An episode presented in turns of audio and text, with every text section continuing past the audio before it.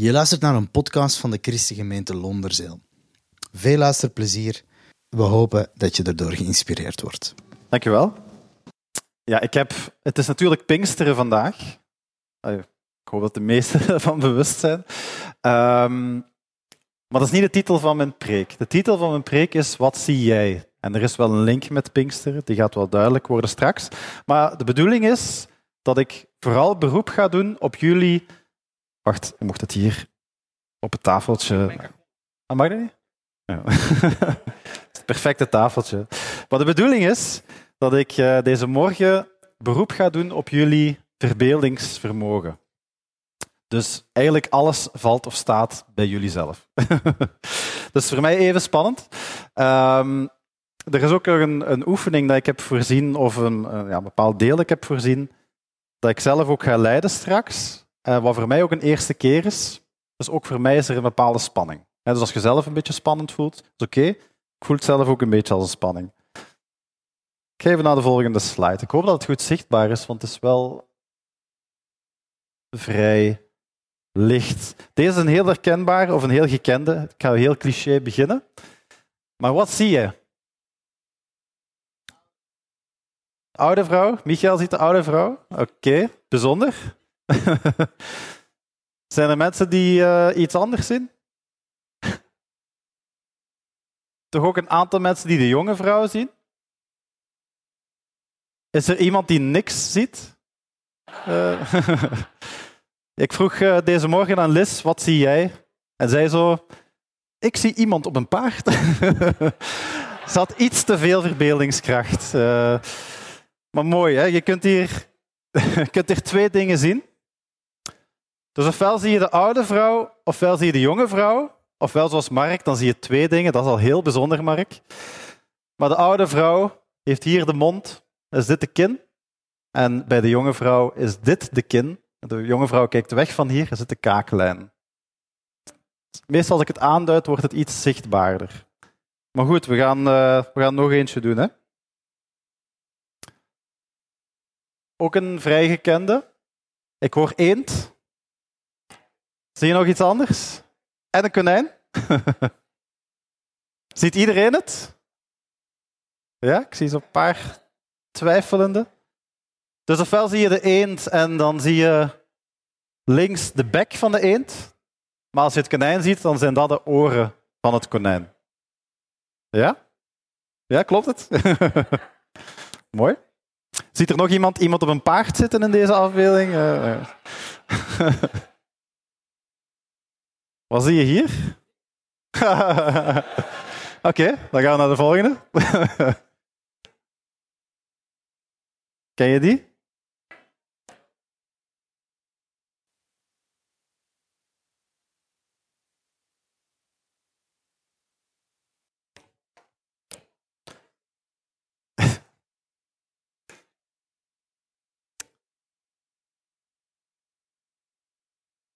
Mooi. Ik had er iets christelijk moeten schrijven. Ik, ik dat iedereen het hardop leest, maar uh, het is dus mogelijk om dit te lezen. Hoewel dat elk woord verkeerd geschreven staat, uw hersenen maken er iets zinnig van. Uh, nog eentje. Nog twee eigenlijk. Wat zien jullie hier? Letter E. Ja? Ah, het duurt soms uh, even, ja. Kunt hier zo op, op pound. Dus de letter E, dat is eigenlijk de schaduw van de letter E wat je hier ziet. Dus de letter E die gaat zo verder en uh, dan zie je het wel beter. Nog een laatste voor, uh, wat zei je? De C, de, die zie ik er niet in. Kunt je dat even aanduiden met de...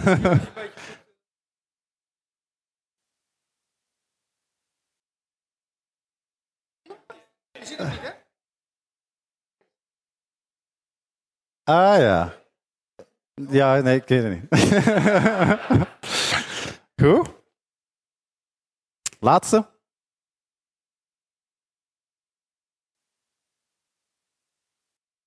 Zeker? Ja, staan de lijnen recht of staan ze, ah, staan ze evenwijdig of staan ze scheef? Wie denkt, wie denkt evenwijdig? Wie denkt dat ze scheef staan? Ja, toch nog een paar mensen die eerlijk zijn, dankjewel. Um, ze staan wel degelijk evenwijdig, maar door de stelling van de blokjes ertussen um, lijkt het alsof ze niet evenwijdig staan. Goed. Mooi. Mooi te zien dat jullie wat verbeelding hebben. Meestal, ik, ik laat het soms ook wel zien aan uh, cliënten die ik begeleid. Um, zeker die, de oude vrouw en de jonge vrouw. En soms vragen de mensen dan, ja, ik zie de oude vrouw, maar wat, wat wil het dan eigenlijk zeggen? Ja, ze weten dan dat ik eh, psycholoog ben. Wat wil het dan zeggen? Ik zei, ja, ja, dat wil wel zeggen dat je psychopaat bent. dan zeg ik ook wel dat het een grapje is hoor. Dus hier zitten voorlopig geen uh, psychopaten. Goed, maar uw hersenen bepalen wat dat je gaat zien en hoe dat je het gaat zien. Want we hebben allemaal naar dezelfde dingen gekeken. We hebben allemaal ogen. Maar toch zien we allemaal iets verschillend. En dat is puur op basis van wat dat uw hersenen zeggen, wat dat je ziet. Uw hersenen vormen echt uw, uw beeld. Um, en dat is wel een belangrijke om te onthouden. We weten natuurlijk, ik heb die afbeeldingen laten zien en jullie wisten eigenlijk al van, oké, we moeten hier naar iets kijken. Oké, hier, is, hier zijn twee dingen zichtbaar. Maar dat is op zich al een voordeel. Want als je niet weet dat je naar iets moet kijken, of als je niet weet dat er nog iets extra zichtbaar gaat zijn, ja, dan gaat je er heel snel over. Hè. Dan maakt het eigenlijk niet uit, dan is dat niet zo bijzonder. Dus dat is op zich al een voordeel. En de vraag die ik dan met jullie wil stellen deze ochtend is naar wat kijken we? Wat zien wij als wij rondkijken in onze wereld, in onze omgeving? Wat zien wij allemaal? En dat is een vraag waar ik echt met jullie bij wil stilstaan. Als ik rondkijk, en ik ben natuurlijk christen, heb ik soms het gevoel, en ergens is dat ook wel zo, maar dat wij in twee werelden leven. Je hebt enerzijds het plan van God. God heeft de mens in Ede geplaatst op aarde.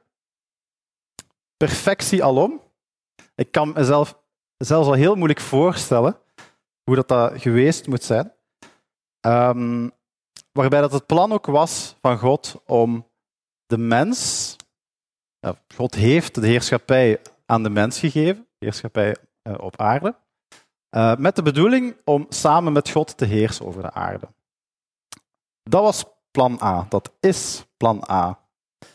Anderzijds zien we ook een wereld, als we rond ons kijken, als we naar onze omgeving kijken, binnen onze familie zelfs, vrienden, uh, op ons werk, zien we ook een andere realiteit. Dan zien we niet de perfectie.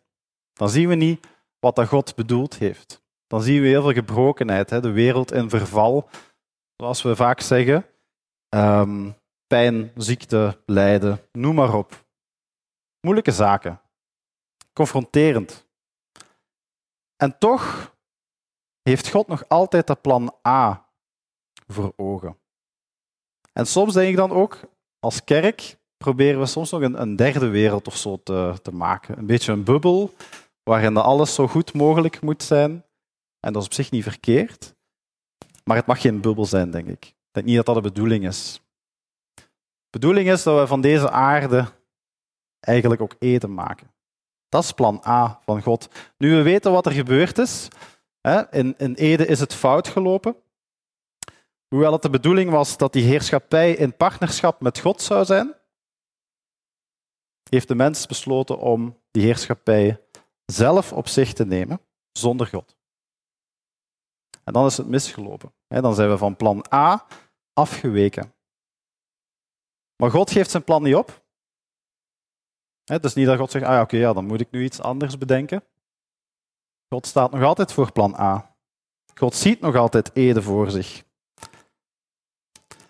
Er was wel iets anders nodig. God is als mens naar de aarde moeten komen. En het moest als mens zijn, want de heerschappij was ook aan de mens gegeven. Dus God komt als Jezus naar de aarde. We weten allemaal wat er gebeurd is. En hij heeft het mogelijk gemaakt om dat partnerschap terug te herstellen ten volle, zoals dat God het ook voor ogen heeft. Dus eigenlijk is Jezus de missie gestart om terug naar plan A te gaan, om terug naar Ede te gaan. Maar we zitten wel in plan B. We zitten wel in een realiteit die niet zo mooi is altijd. Jezus is die missie gestart. En bij Pinksteren is die missie naar ons overgebracht. Naar de mens. Naar zijn partners. Naar zijn kinderen. Het is een familiebedrijf. Dat is niet zomaar een partnerschap, dat is een heel diepe, heel diepe relatie dat God wil. En wat heeft dat nu te maken met die verbeelding? Ja, ik denk dat wij het. Ik spreek voor mezelf. Als ik kijk naar de wereld, als ik naar het nieuws kijk, ik doe dat ondertussen niet meer, bewust. uh, heel veel negativiteit en het blijft plakken. En je ziet de gebrokenheid, en zelfs in mijn omgeving, en dat doet pijn. Ik voel die pijn. En die pijn mag er ook zijn. Ik denk dat dat heel normaal is. Maar het mag niet mijn focus worden. En dat is soms wel een probleem, denk ik. Dat we dat vaak te hard zien als, ja, maar dit is de realiteit. Wat kan ik dan nog doen? En daarvoor denk ik dat het ook wel belangrijk is dat we wat verbeelding nodig hebben van oké, dit is wat ik zie, maar wat ziet God? En God, kunt jij die input ook aan mij geven? Kunt jij mij laten zien wat dat jij ziet? Dat is in feite ook wat dat Jezus deed. Hè? Hij zegt ook van, gelijk dat ik het de Vader heb zien doen, zo doe ik het ook. Hij heeft dat gezien. Wat zag hij? En wat zie jij? Er zit dus wel wat kracht in verbeelding. En eigenlijk is dat ook iets wat in de wereld trouwens gebruikt wordt. Dat is het verbeelden op zich, zeker als je een bepaald plan hebt, je wilt ergens naartoe gaan, dan wordt dat vaak ook als tip gegeven van beeld het jezelf in, zie het jezelf doen.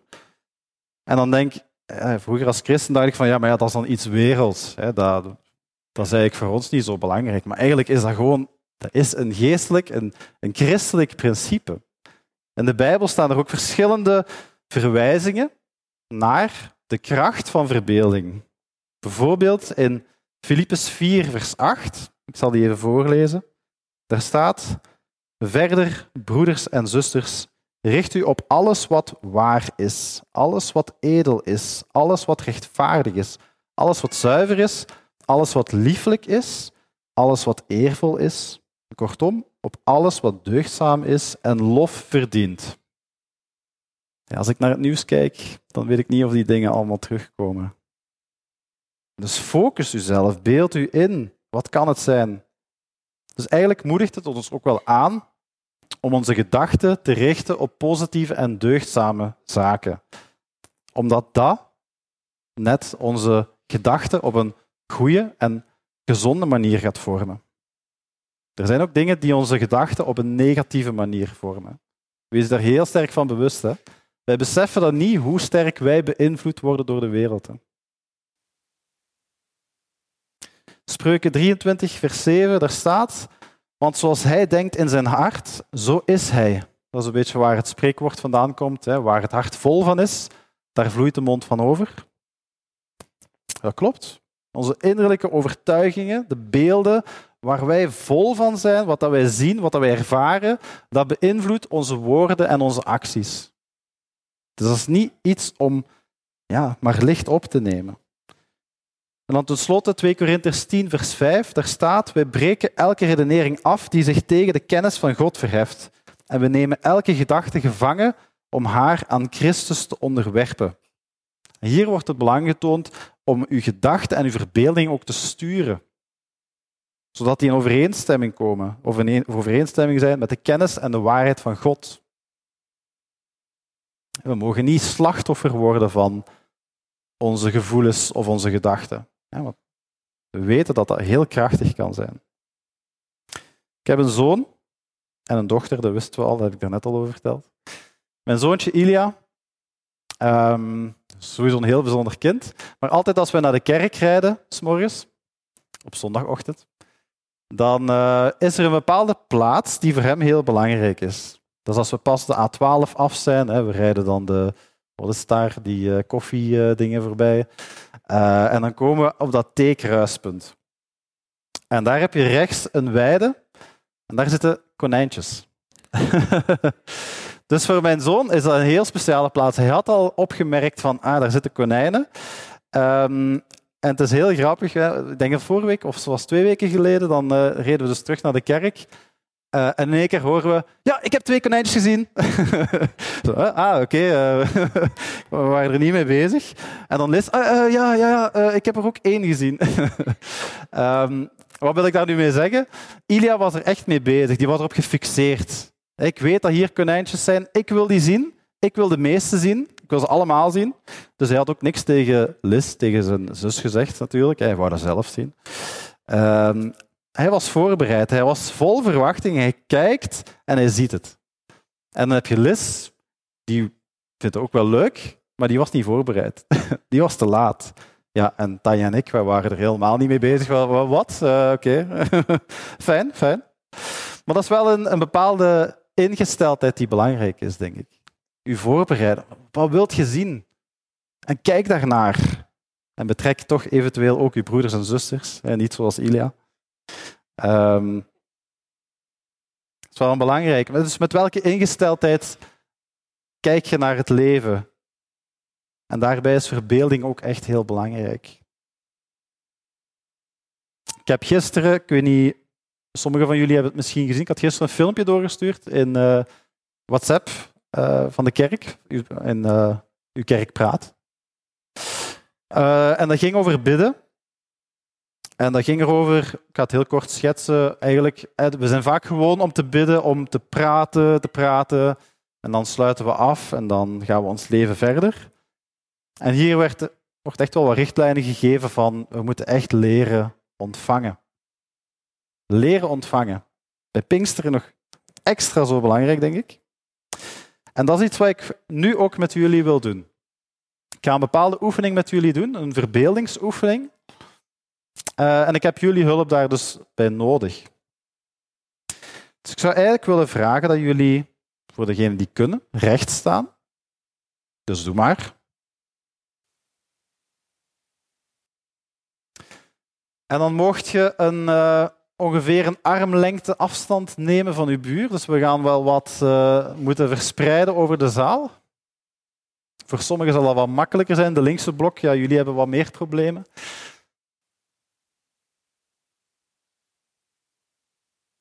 Oké, mooi.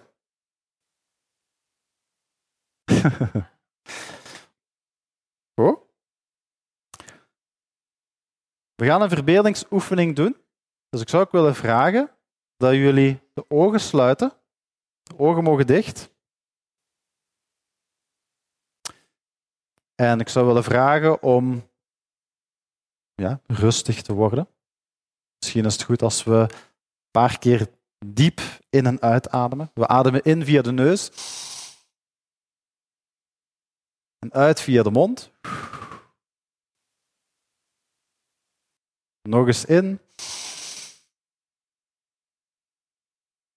En uit. Laatste keer in. En uit. Hou de ogen gesloten. Sta eens even stil bij de afgelopen periode. Dat kan de voorbije week zijn, of maand, of jaar. Denk aan een situatie die je anders had willen aanpakken. Dat had bijvoorbeeld een, een stressvol moment kunnen zijn of een pijnlijk moment, misschien gepaard met een gevoel van schaamte of teleurstelling.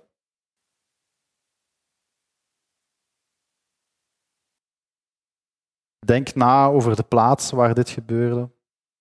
Wat zie je allemaal? Wie zie je allemaal?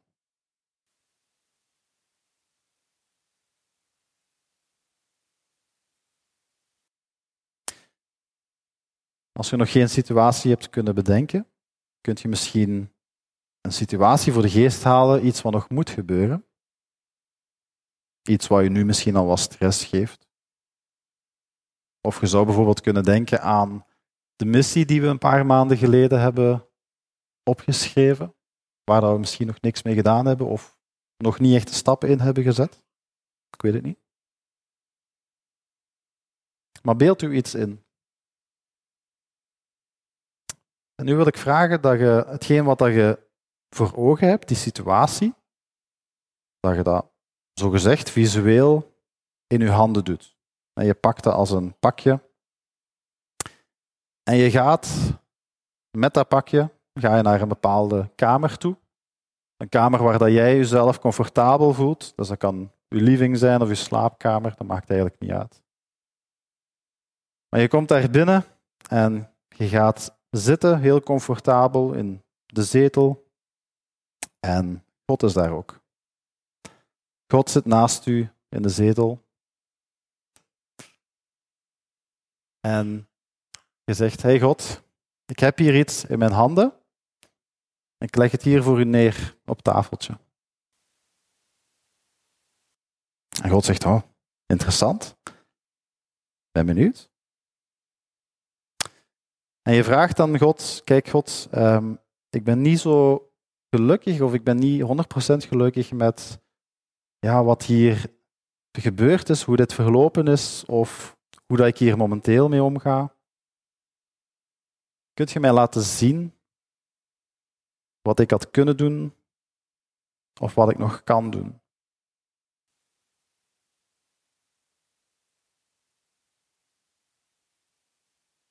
Was echt God.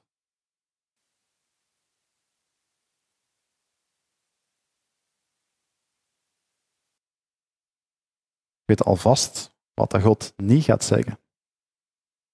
God gaat niet zeggen, jij slechte dienaar. Dat zegt hij zeker niet. Dat kan trouwens niet. Want je vraagt raad aan God. Dat is een heel belangrijke vorm van gehoorzaamheid. Dat toont de wil dat jij Gods koninkrijk wilt brengen op aarde. Maar wat zegt God wel? Wat zegt God tegen u nu op dit moment?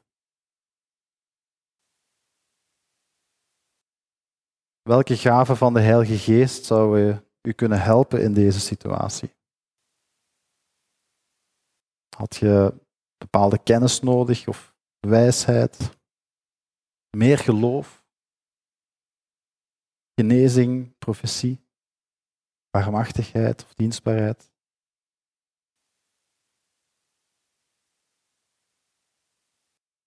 Welke zou jij aan God vragen voor deze situatie? En vertrouwt je erop dat God die zeker geeft?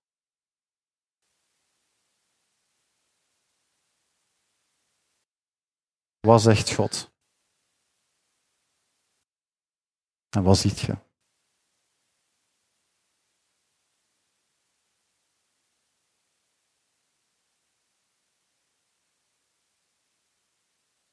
Als er dingen zijn die God nu tot u spreekt, dan zou ik u aanraden om dat op te schrijven. Dat kan in uw gsm zijn. Maar doe daar iets mee. Dat is raad wat jij krijgt van God. Dat is wat jij mag ontvangen. Dat is zijn Heilige Geest die werkt in u.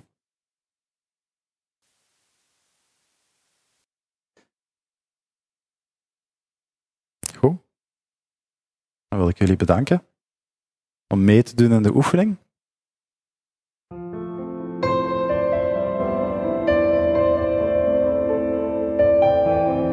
Dit is alweer het einde van deze podcast. Moest je nu eens willen langskomen in onze kerk in Londerzeel, dan ben je iedere zondag van harte welkom om half elf.